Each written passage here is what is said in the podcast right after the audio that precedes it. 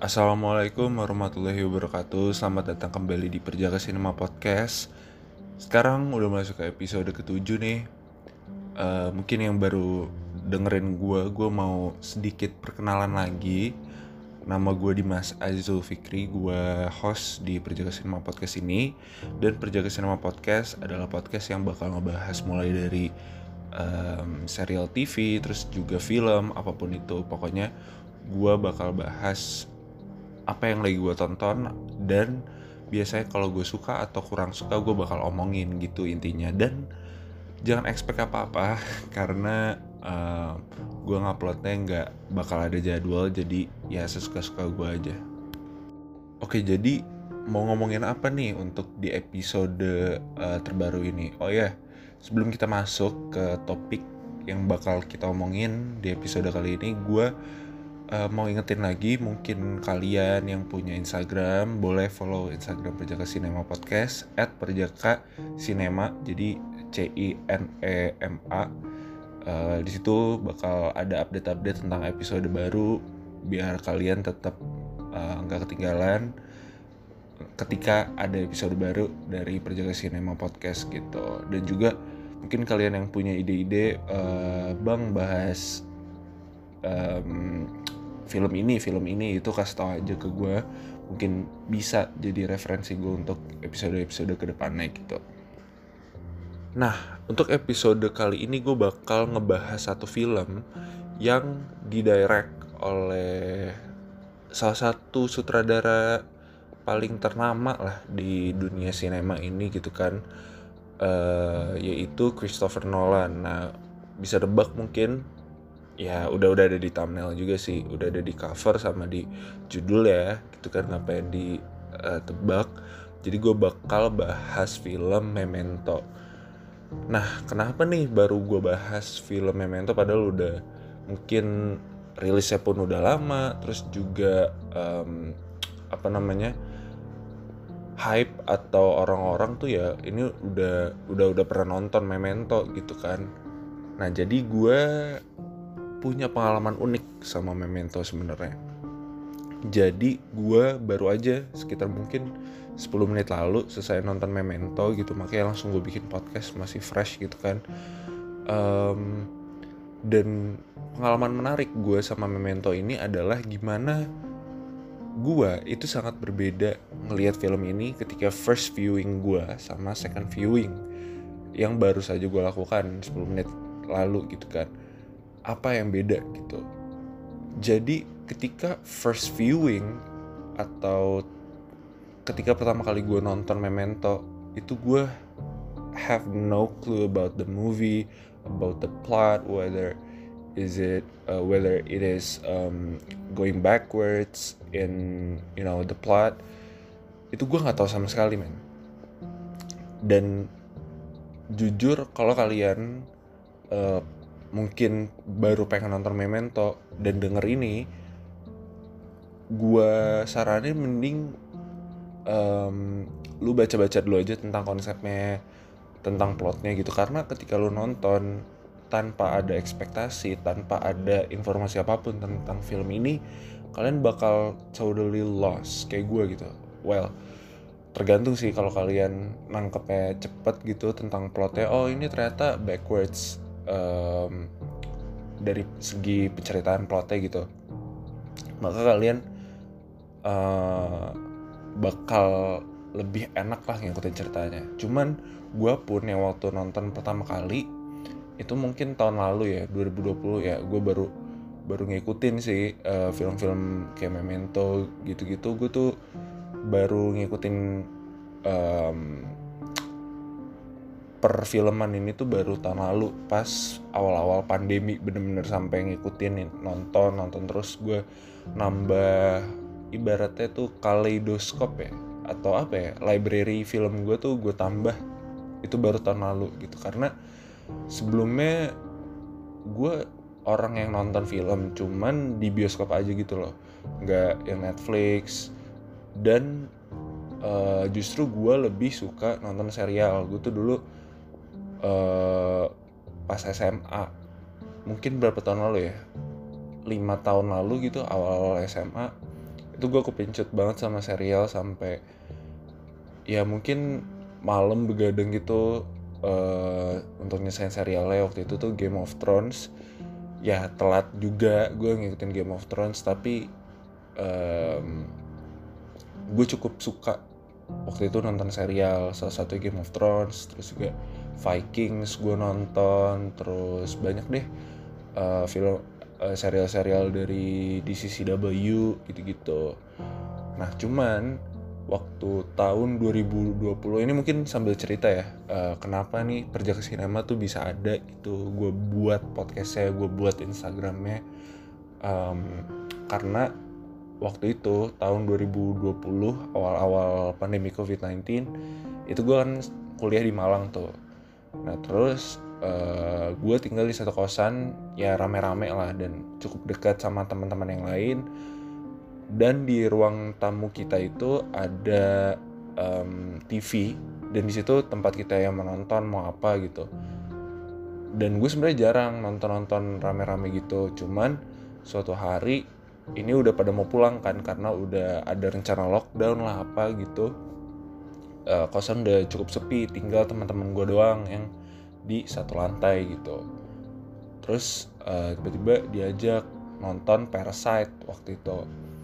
Oh yaudah deh gue nonton sekali-sekali gitu kan. Gue juga udah nggak ada udah nggak bisa keluar waktu itu. Udah cukup takut lah untuk um, nongkrong atau apa. Padahal waktu itu belum ada kasus di Jawa Timur dan Malang singkat gue cuman gue udah nggak deh gue nggak mau keluar gue di uh, kosan aja. Dan akhirnya udah deh diajakin nonton Parasite waktu itu.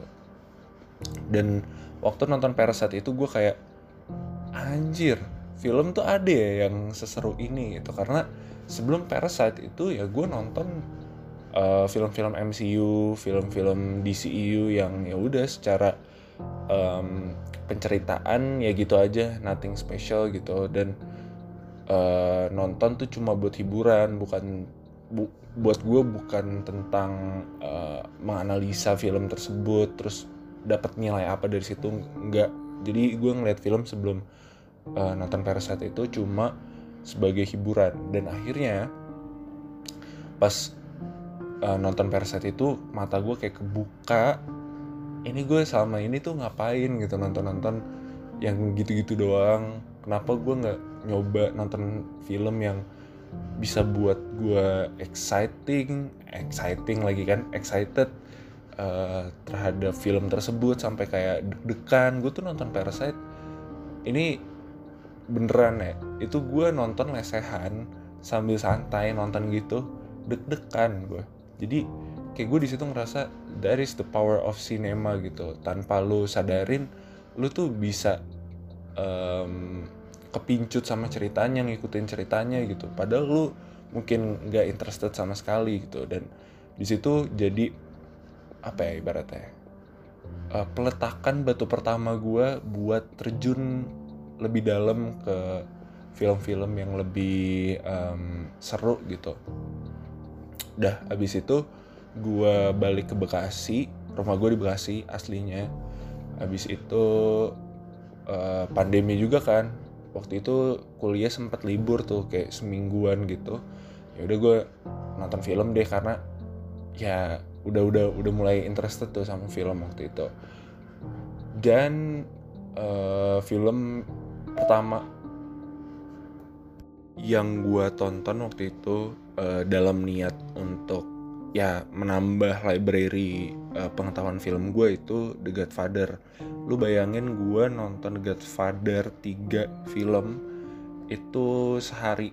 Jadi gue bener-bener dari um, siang mungkin ya siang sampai jam 12an setengah satu gitu gue nyesain dan um, di situ gue baru tahu film-film yang punya plot bagus penceritaan bagus terus juga uh, acting yang bagus karena gue selama ini nggak ngedapetin itu di film-film kayak MCU DCU jadi berarti kaget gitulah. Dan itu terus berlanjut sampai sekarang gitu gue mungkin udah cukup dalam lah nyemplung ke film ini setahunan ini gitu udah nonton. Dan um, itu cukup hardcore gitu misalnya satu satu hari kalau gue lagi nggak ada kuliah itu ya udah gue bener-bener oke okay, kita nyari film apa nyari film apa uh, tiga film satu hari gitu. Itu bener-bener misalnya kayak habis maghrib ya udah deh nonton tiga film. Dan ya uh, kayaknya gue lebih banyak nonton film dalam setahun ini sih daripada seumur hidup gue gitu sebelumnya gitu ya. Dan ya gue udah udah cukup ngikutin lah udah udah tahu um, kayak sutradara sutradara gitu terus juga genre film award award film itu gue udah uh, udah cukup paham gitu. Dan paham gimana uh, award yang ini itu sangat uh, influential dan peruntukan itu untuk film-film kayak gini. Udah udah udah sampai kayak gitulah tuh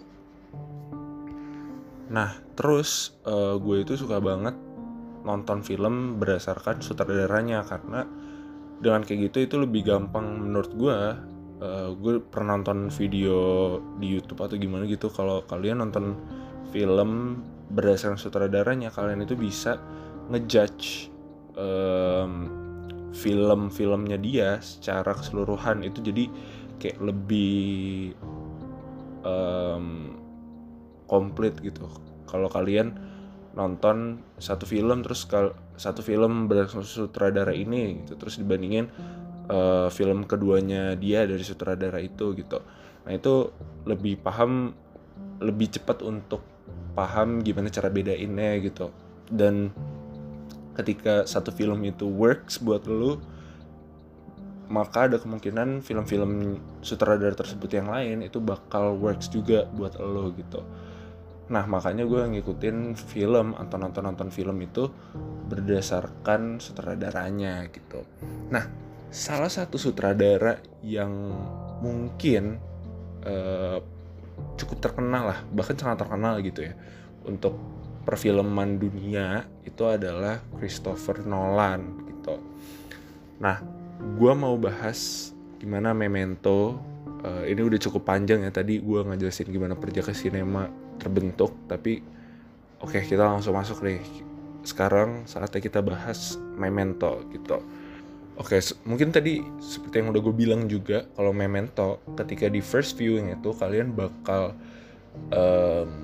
nggak um, paham tentang maksudnya, tentang plotnya, karena kalian nggak punya semacam background atau semacam apa ya mindset pas mau nonton itu uh, cara nontonnya itu gimana? Karena menurut gue film ini mau kalian se serius apa pun nontonnya kalau emang gak paham kalau film ini tuh backwards gitu itu bakal susah untuk ngikutin gitu. Karena di sini di Memento ini banyak banget inisial-inisial kayak Johnny, Sammy, Lenny, terus Natalie, uh, Teddy gitu-gitu. Jadi kayak nama-namanya tuh kan serupa gitu ya. Jadi kayak ah Sammy itu yang mana ya? Ah Lenny itu yang mana ya? Gitu loh. Jadi kayak uh, bakal susah dan apalagi plotnya itu sebenarnya tuh cukup simple ya.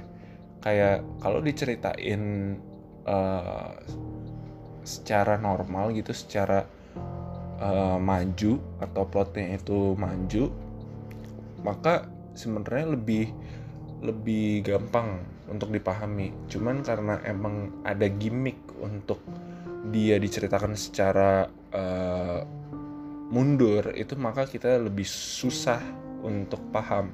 Tapi it's not a bad thing. Uh, karena penceritaan untuk mundur ini kita jadi lebih apa ya paham gimana rasanya menjadi si Leonard gitu Leonard Shelby di film ini karena dia misalnya tiap 5 menit bahkan 5 menit 2 menit gitu 2 menit eh, 3 menit gitu tiba-tiba hilang ingatan gitu. Itu kan maksudnya it's very sucks to be Danny eh si Danny lagi si Lenny gitu si Leonard. Uh, makanya uh, gue pas nonton pas awal nonton pertama itu kayak apa sih ini film? gitu. Susah banget dan banyak karakter-karakter yang um, namanya sama. Dan ketika di akhir pun gue nggak ngedapetin maksud dari film ini gitu. Jadi Johnny G itu siapa? Terus juga si Teddy ini tuh siapa gitu. Gue nggak dapet di situ. Tapi pas di second viewing gue langsung paham semuanya gitu. Jadi mungkin uh, selain tadi gimana kalian harus punya dulu nih uh, foundation kalau film ini tuh sebenarnya tuh gimana? Atau film ini uh, bakal backwards that's it gitu. Kalian harus punya itu dulu. Nggak harus sih cuman kayak gue saranin aja gitu. Uh, dan juga gue saranin untuk nonton dua kali. Karena experience-nya bakal beda gitu. Meskipun lo mungkin udah tahu ceritanya bakal gimana tapi itu nggak uh, nge-compromise how you perceive perceive the movie uh, gimana kalian bisa bilang film ini bagus, plotnya itu seru atau gimana itu itu nggak bakal ngurangin value dari si uh, plot di film ini gitu. Karena pas gue nonton uh, untuk kedua kalinya banyak banget detail-detail dari cerita terus tentang nama-nama karakter yang um, kayak ketukar-ketukar di otak gue gitu. Gue lama-lama pas nonton pertama tuh kayak Lenny, hah? Jadi tadi gimana sih gitu loh. Jadi kayak bener-bener masuk gitu arwahnya si Le Lenny ke dalam tubuh gue dan otak gue tuh jadi ikut nggak berproses kayak Lenny gara-gara film ini doang gitu tapi untungnya di uh, viewing kedua gue udah udah bisa paham gitu ceritanya dan ternyata cukup rewarding ya endingnya. Gue gue sangat suka sih. Uh, gimana ternyata oh ini spoiler alert ya gue gue uh, gue pengen bahas aja sih. Jadi ternyata si nggak um, tahu juga sih emang apakah si endingnya itu dan ceritanya itu benar-benar 100% ya? Maksudnya 100% bener gitu. Karena seperti yang kita tahu Christopher Nolan itu kan master of cliffhanger ya. Dan mungkin bisa buat orang-orang itu memahami plot ceritanya atau um, ya memahami arti dari film tersebut kan pasti beda gitu. Dan bisa menimbulkan berbagai uh, pendapat dari orang-orang mengenai oh enggak maksudnya tuh ceritanya tuh gini gini. Tapi kalau sepemahaman gue jadi si um, Teddy itu he said the right or the the correct thing gitu. Karena um, si Lenny ini dia nyaksiin istrinya dibunuh kan dan di rape juga. Jadi ya of course it will make them crazy terus uh, dibantulah sama si Teddy ini atau si John G ini gitu. Karena um, dia si John G itu juga nggak nggak 100% baik kan karena dia mau uh, manfaatin si Lenny ini buat dapetin uang gitu at the end gitu. Dan um, habis itu si Teddy ini ngebantuin si Lenny buat ngebunuh lah si uh, pembunuh aslinya. Oh enggak deng. Jadi yang gue inget itu si Lenny atau Leonard udah berhasil ngebunuh kan si penjahatnya. Tapi si Lenny snap dia hilang ingetan saat itu juga pas ngebunuh. Dan dia masih berpikir kalau si pembunuhnya itu masih on the loose gitu. Masih uh, kabur lah belum ketangkap makanya dia pengen nyari nih itu itu di otaknya dia kan. Cuman um, karena si uh, Teddy ini mungkin antara baik terus juga ingin memanfaatkan keadaan dia pengen membantu si Lenny ini buat ngelampiasin lah uh, untuk membunuh orang dengan cara nyari orang yang namanya uh, mirip-mirip dengan John G gitu. Yaitu si Jimmy G. Namanya itu Garter atau apa ya gitu. Nah si Jimmy G ini ditujukan sebagai alat pelampiasannya dari si uh, Lenny yang direncanain sama si Teddy gitu. Untuk uh, karena si Teddy ini undercover cops ya udah deh sekalian biar gua nangkep si pengedar narkoba ini si Jimmy J ini kan pengedar narkoba uh, dan menjalankan tugasnya si Teddy gitu dan juga ngebantu si Lenny buat yang rencananya itu mengembalikan ingatannya si uh, Lenny gitu biar dia uh, paham kalau misalnya ya udah pembunuhnya udah ditangkap nih yuk lu nggak nggak usah nyari nyari lagi. Tapi ternyata si Lenny ini nggak percaya sama si Teddy dan mulai membuat asus asumsi asumsi gitulah. Um, dan ya um, akhirnya kita ada di perjalanannya si Lenny ini. Sebenarnya agak pointless ya kalau dilihat-lihat. Karena uh, ketika lu itu sih kayak yang susah untuk dijelaskan gitu. Karena ketika diceritakan maju dan kita udah tahu intinya tuh gimana um, ya nggak kayak nggak menarik kan. Maksudnya kayak ya udah kita udah tahu kalau uh, si um, Teddy ini mau ngebantuin Lenny dan segalanya. Tapi ketika di um, ceritain mundur itu jadi lebih menarik karena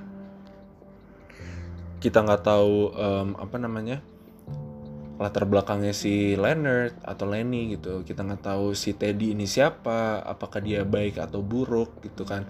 Terus um, si Natalie terus juga pokoknya plot-plot yang misteri-misteri gitu itu menurut gue kayak kalau diceritain lebih diceritain secara mundur itu lebih menarik ketika uh, eh, gue sadarin lagi gitu. Karena ya itu dia. Kalau diceritain maju udah nggak ada poinnya kan ngapain diceritain orang udah di uh, kasih tahu di awal gitu loh. Nah dan di situ menurut gue perannya Christopher Nolan sih. He's a fucking genius. Karena sebelum nonton kedua kali ini gue bener-bener kayak anjing apa nih sih Christopher Nolan nih? Eksperimental eksperimental gagal atau gimana karena gue nggak paham ceritanya gitu nggak nggak deliver ke gue karena waktu nonton pun itu gue udah serius tengah mati mau uh, mahamin ceritanya. Tapi ternyata emang konsepnya itu lu nggak bisa nonton untuk cuma sekali gitu untuk mahamin secara uh, menyeluruh si plotnya itu. Uh, tapi kalau emang lu emang udah udah bisa kan kalau misalnya kalau nggak salah tuh ada satu apa ya satu orang yang bilang kalau misalnya kalau lu udah nonton film lu bakal tahu mana yang buruk mana yang jelek. Lu bakal tahu uh, apakah akan terjadi twist atau enggak. Lu bakal tahu gimana lu memahami ceritanya gitu. Kalau lu lebih banyak nonton film. Dan di situ gue udah nonton banyak film sih cukup banyak. Dan gue masih nggak um, paham ceritanya waktu itu. Tapi setelah gue nonton yang kedua itu gue paham kenapa emang si konsepnya itu nggak sesimpel untuk ditonton untuk sekali doang gitu. Karena banyak banget detail-detail yang um, apa ya kecil tapi itu sebenarnya itu bisa membuat si plotnya ini bisa lu terima dengan baik atau enggak gitu. Karena gue juga kan ya uh, cukup sering lah untuk nulis skrip gitu gue paham banget gimana lu ketika mengkonsepkan suatu film nih ya. Ini mungkin uh, berlaku juga buat Christopher Nolan gitu. Gue nggak tahu sih. Cuman sepengalaman gue gue nulis skrip buat film pendek yang um, ya seadanya gitu lu pasti udah punya konsep di otak lu gitu kan. Selama misalnya lu ngembangin skrip ini sebulan full gitu lu nulis oh lu lu makin akrab sama ceritanya karena lu udah sering lihat dan itu ada di otak lu gitu. Itu berasal dari otak lu juga. Cuman ketika lu deliver ke penonton dan mereka nggak paham ya ya karena mereka nggak sefamiliar cerita nggak sefamiliar atas cerita lu kayak lu gitu. Karena lu yang buat lu yang ngembangin lu yang udah tahu ini twistnya di mana itu pasti bakal lebih familiar gitu kan karena menurut gue film ketika uh, ini ini baru gue sadarin juga ketika film itu nggak deliver ke orang gitu itu karena mungkin ceritanya ku terlalu rumit untuk dipahami dalam satu tonton atau satu kali nonton gitu. Atau emang skripnya jelek aja. Tapi yang gue paham kalau Memento ini skripnya nggak jelek. Ini skripnya wah gue gue bahkan mikirin ini Nolan pas syuting fi filmnya itu gimana dia bisa keep in track sama cerita yang dia buat gitu. Karena gue yakin banget ini um, dalam tahap pengeditan dalam tahap syuting itu sulit banget buat um, ngejaga oke okay, kita sini ini sini ini. Tapi kan biasanya kalau uh, film gitu itu lu bakal tahu sini ini sini ini uh, selanjutnya. Itu karena emang plotnya maju gitu kan.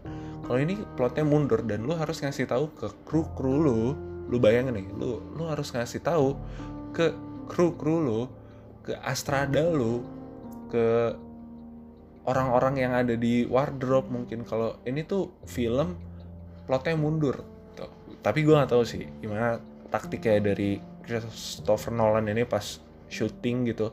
Cuman gue nggak bayangin anjir susah juga ya dari cuma syuting uh, untuk ngimbangin kalau gimana uh, ceritanya ini biar mundur gitu. Karena ketika lu nonton ya itu ada pas adegan si Natalie um, Natalie berantem sama si uh, Lenny gitu itu gue paham kan karena nonton yang mundur gitu ya nonton uh, mahamin yang mundur gitu pas tahu Natalie kayak udah marah-marah ke Lenny gitu ah ini cewek siapa nih? gitu kan. Itu kayak it takes I don't know maybe kayak ada taktik sendiri biar entah uh, dia Christopher Nolan ini emang syutingnya maju gitu alurnya maju dan diedit aja untuk mundur atau emang syutingnya mundur biar emang emosi lebih dapat tapi kayak pas nonton ah, ini kok tiba-tiba marah gitu. Itu kayak oh oke okay, ini ada ada taktik tersendiri gitu. Gimana pun cara syutingnya gitu maksud gue nah dan yang awalnya gue mungkin memento itu gue ngasih 5,5 gitu karena gue nggak paham sama sekali gitu. Gue ngasih rating 5,5 karena gue ini apa sih cerita? Lu mau cerita apa Nolan? Gitu kan. Bang Chris Bang Chris lu mau cerita apa nih di film ini? Gue nggak paham. Tapi pas di second viewing wah ini ya yeah, well it's not 10 out of 10 tapi it's a good movie. It's a good uh, take on how you can um, tell your stories gitu loh. Dan ini mungkin efek gue nonton Arrival Arrival itu menurut gue persis kayak cara penceritaannya kayak gini gitu kan. Meskipun gak mundur secara full satu movie cuman untuk kita paham uh, ceritanya itu uh, Rival ini menurut gue lebih bisa dipahami gitu lebih um, ya lebih ramah lah ke penonton-penonton yang nonton sekali daripada Memento ini. Cuman Memento oh my god gue dari yang gak suka banget sampai jadi suka banget nih. Gila emang. Itulah. Jadi kalau kalian emang yang sama kayak gue pas nonton Memento pertama kali ini apa sih maksudnya gitu? Jelek nih film. Lu nonton kedua kali men. Lu bakal suka sama film ini. Oke jadi gitu aja sih kayaknya ya. Gue um, mau bahas Memento aja. Dan ya gitu sih. Gue akuin sih. Christopher Nolan emang kalau masalah tentang penceritaan tentang waktu gitu-gitu emang wah otaknya dia udah udah jalan banget lah udah berpengalaman juga gitu kan. Gitu. Jadi kesimpulannya adalah gue yang awalnya meremehkan film ini dan meremehkan uh, cara sutradara dari uh, Christopher Nolan gue akuin I'm taking my words back. This movie is a genius man. Gila. Lu harus nonton deh pokoknya. Kalau belum nonton kalau baru nonton sekali lu nonton dua kali deh. Karena penceritanya wah suka gue suka gitu. Oke deh makasih yang udah dengerin ya uh, bacotan gue nih sama 7 episode. Gue nggak kebayang awalnya gue bakal bisa upload 7 episode gitu cuman ya uh, ternyata gue bisa juga gitu ya. Lumayan um, apa namanya lumayan terjaga jadwalnya gitu bisa menjaga jadwal uh, konsisten itu dia. Konsisten untuk upload terus episodenya meskipun yang nonton atau yang dengerin itu ya nggak banyak juga cuman uh, karena emang awalnya gue nggak nggak niat ini sih emang nggak niat nyari pendengar juga cuma ya pengen bacot aja. Cuman kan kalau ada yang denger lebih banyak gitu kan alhamdulillah gitu. Gitu sih uh, yaudah deh. Makasih udah nonton sekali lagi. Uh, jangan lupa tetap patuhi protokol kesehatan pakai masker uh, double mask gitu ya dua dua lapisan. Nongkrongnya di skip skip dulu lah udah nunggu corona ini pergi dulu gitu ya.